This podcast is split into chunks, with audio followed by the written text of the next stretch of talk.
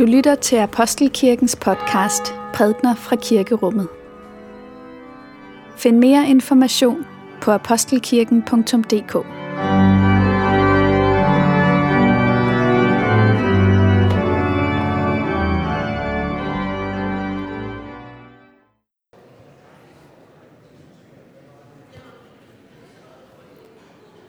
Godmorgen og velmødt til påskegudstjeneste her i Apostelkirken.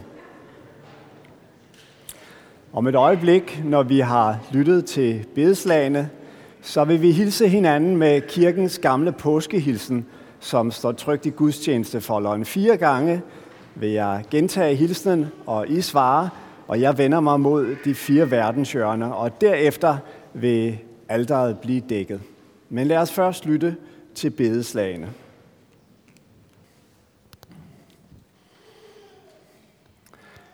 Kristus er opstanden. Kristus er opstanden. Kristus er opstanden. Kristus er opstanden.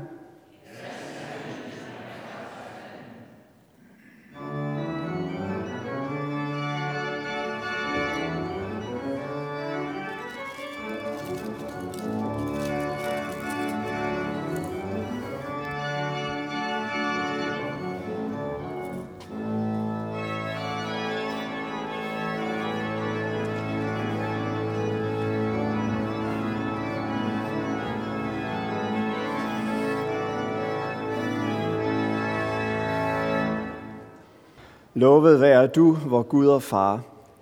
Himlen og jorden synger af glæde på denne morgen, hvor lyset sprængte sig vej ind i gravens mørke, og Kristus stod op af døden som den første af mange. Vi fatter det ikke. Det er os for underfuldt, at det, som skete den morgen i gravhaven, også kan ske for os. Derfor beder vi dig, kom til os, Herre Jesus Kristus. Giv dig til kende for os. Tag frygten fra os. For kun da tør vi tro det, vi ikke ser, og håbe det, som ingen ser. At som du lever, skal også vi leve. Og i det levende håb vil vi love og prise dig, du livets sejr, Herre, fra evighed og til evighed. Amen. Således skriver salmisten. Luk retfærdighedens porte op, jeg vil gå ind og takke Herren. Her er Herrens port, her går de retfærdige ind. Jeg takker dig, fordi du svarede mig og blev min frelse. Den sten, bygmestrene vragede, er blevet hovedhjørnesten. Det er Herrens eget værk, det er underfuldt for vores øjne. Denne dag har Herren skabt. Lad os juble og glæde os på den. Herre, frels dog. Herre, lad det lykkes. Velsignet være han, som kommer i Herrens navn. Vi velsigner jer fra Herrens tempel. Herren er Gud. Han skal give os lys. Lad festprocessionen danne kæde helt op til alterets horn. Du er min Gud, jeg takker dig, min Gud, og jeg priser dig. Tak Herren, for han er god. Hans trofasthed varer til evig tid. Amen. Dette hellige evangelium skriver evangelisten Markus. Lad os takke for Guds ord. For Guds ord i skriften, for Guds ord i blandt os, for Guds ord inden i os, takker vi dig Gud. Da sabbaten var forbi, købte Maria Magdalene og Maria, Jakobs mor, og Salome vellugtende salver for at gå ud og salve ham. Meget tidligt om morgenen den første dag i ugen kommer de til graven, da solen var stået op. Og de sagde til hinanden, hvem skal vi få til at vælte stenen fra indgangen til graven? Men da de så derhen, opdagede de, at stenen var væltet fra, for den var meget stor. Og da de kom ind i graven, så de en ung mand i hvide klæder sidde i den højre side, og de blev forfærdede. Men han sagde til dem, Vær ikke forfærdet. I søger efter Jesus fra Nazareth, den korsfæstede. Han er opstået. Han er ikke her.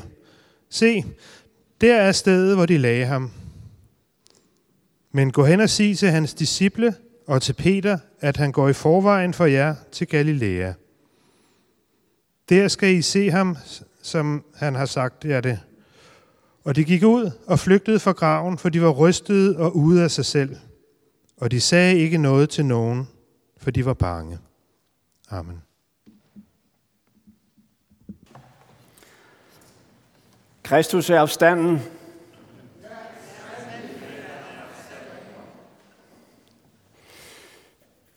Ja, de første disciple, de var heller ikke helt klar.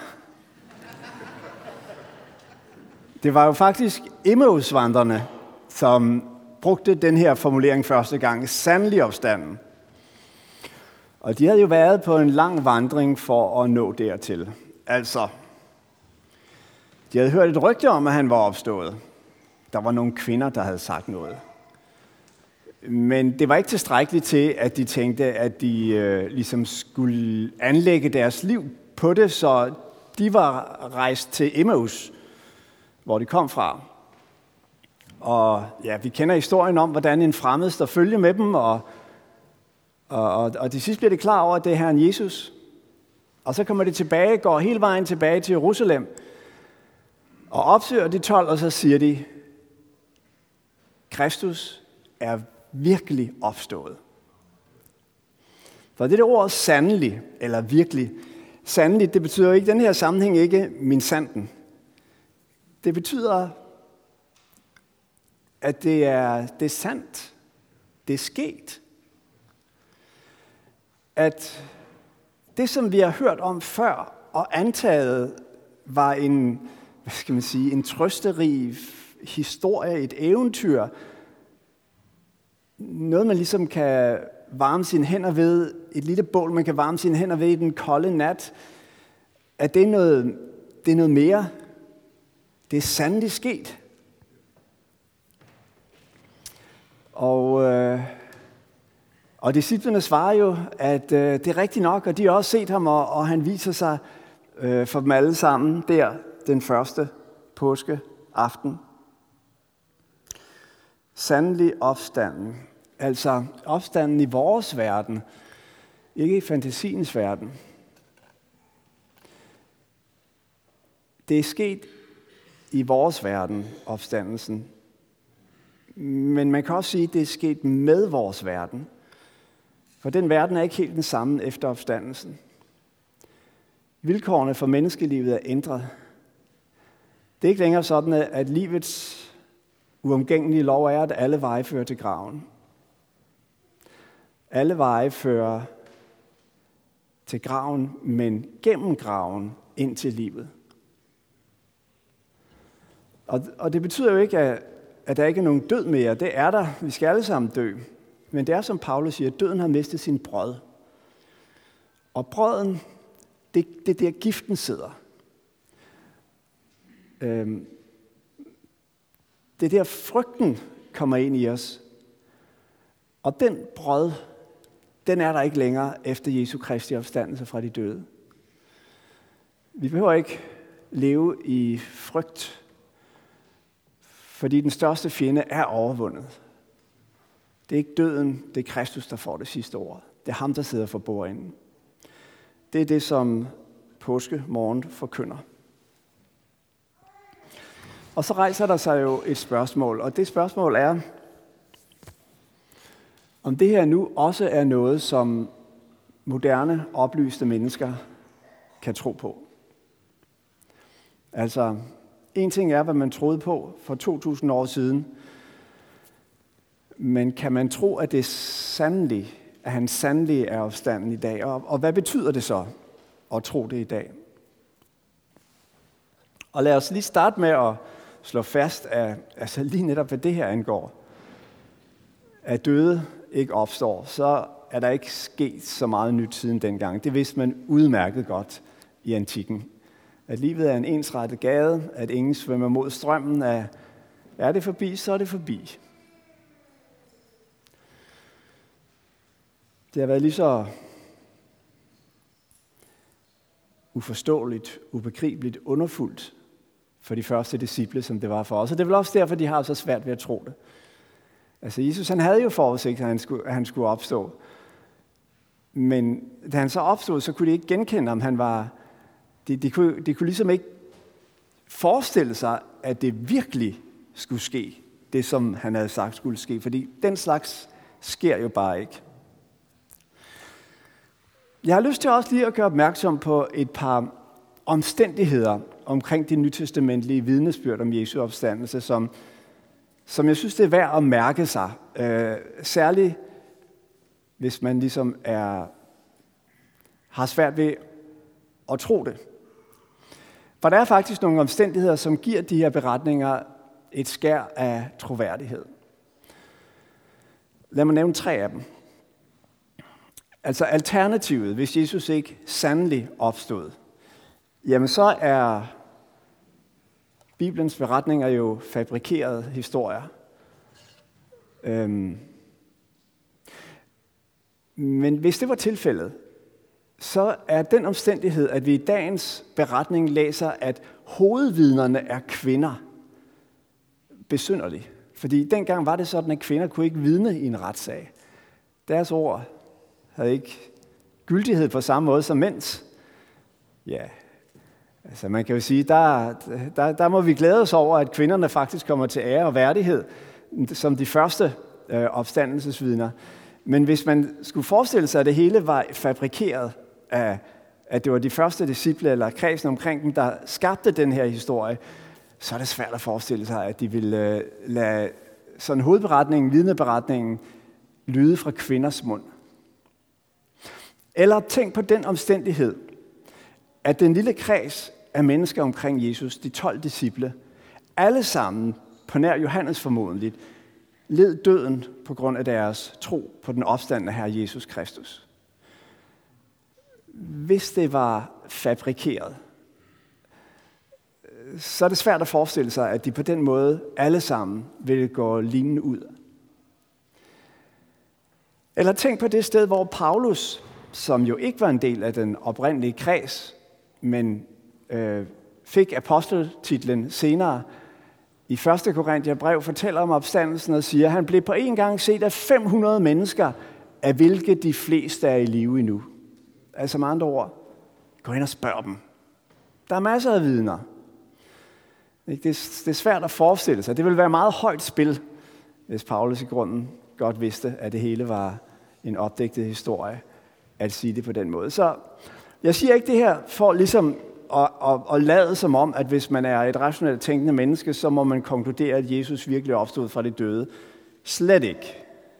Jeg siger det bare for, at, at vi på den anden side også skal forstå, at man behøver ikke tage hovedet under armen for at sige, at Kristus er sandelig opstanden.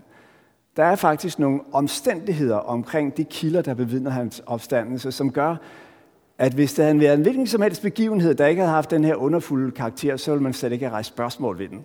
Så øh, forholdsvis øh, velbevidnet er den.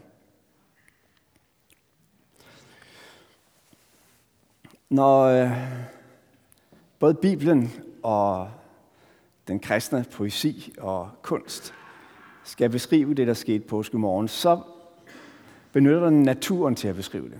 Altså, i den beretning, vi læste fra Markus evangeliet, så står der jo tidlig om morgenen.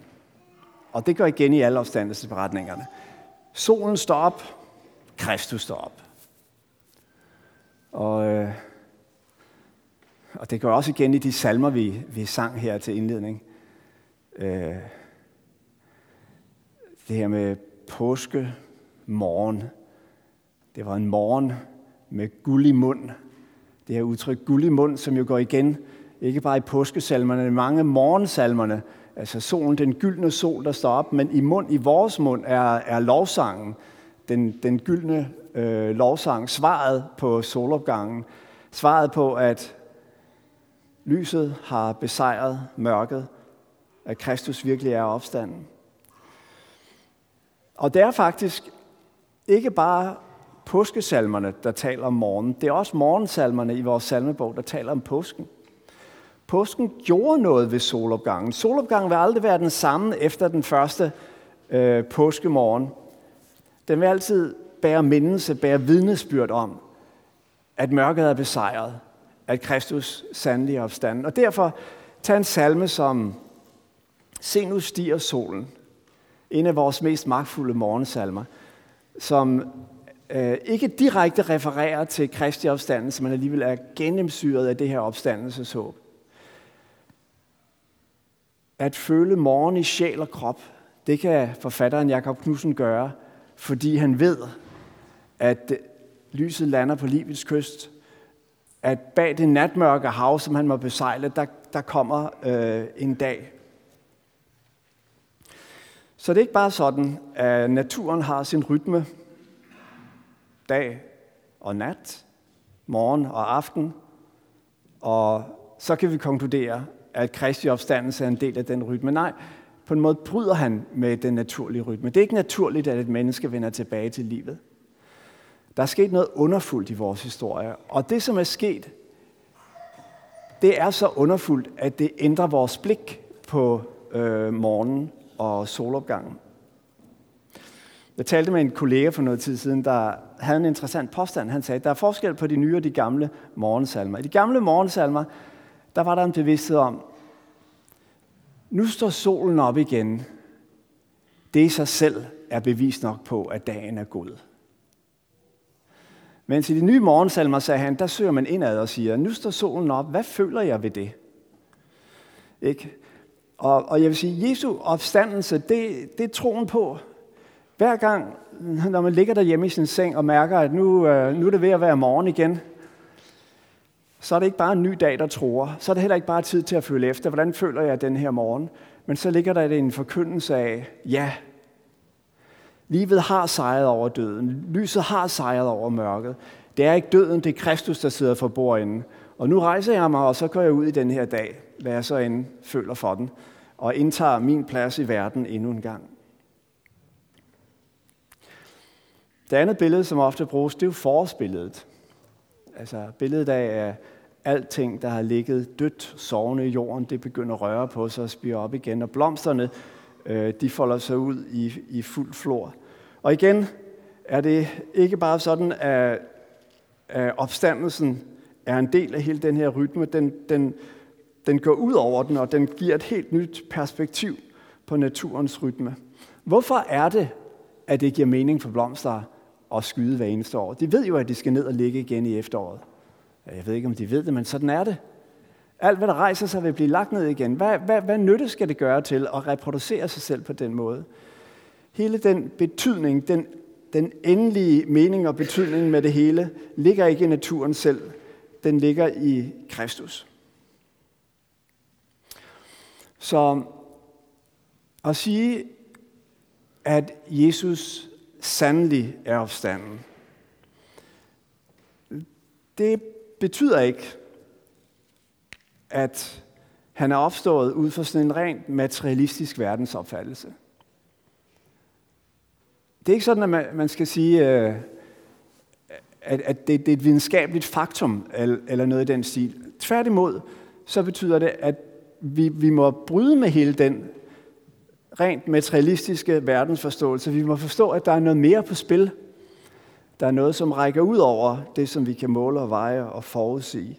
Der er et drama i gang, og Gud har kastet sig ind i kampen for sit menneske, og han har sejret over fjenden, over døden, der lægger alting øde. Og det har han gjort gennem sin søn. Kærligheden er stærkere end døden. Det er påskens store budskab. Men lad mig lige dvæle lidt ved den her tanke om det lægemlige. Fordi uh, det nye testamente er jo insisterende på, at Jesus virkelig opstod, altså lægemligt. Og der er beretninger om, hvordan han holder sine hænder frem og, og siger, værsgo, rør ved mine sår. Der er beretninger om, hvordan han øh, inde på bredden af Genesarets sø tager en fisk og spiser den ind i munden. Altså, det er ikke et spøgelse, det her. Der, der, er, der er noget meget håndgribeligt ved den opstande Kristus. Men samtidig er der også noget gådefuldt ved ham. Altså, disciplene genkender ham ikke.